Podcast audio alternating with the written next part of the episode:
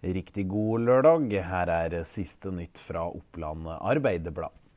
På mandag er det venta at Erna og co. slipper nyheten om at det skal satses 5 millioner kroner på å utvikle fagskolen i Gjøvik. OA er kjent med at fylkestoppa i Høyre, Frp, Venstre og KrF har planlagt å sende ut en pressemelding på mandag. Og Det er i den det bekreftes at Fagskolen Innlandet får en bevilgning på nærmere 5 millioner kroner fra regjeringa.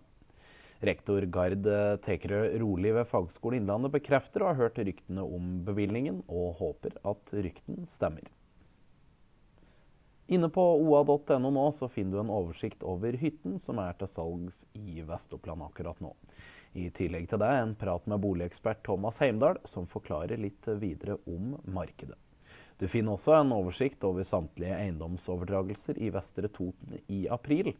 Vi kan uh, allerede her si at den dyreste var en bolig på Eina, som gikk for nesten 8 millioner kroner.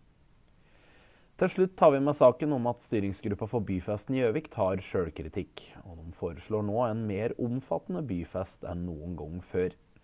Det blir mye å få, plass, å få på plass på kort tid, men alt er mulig med den gjengen vi har, sier prosjektleder Marte Skoglund.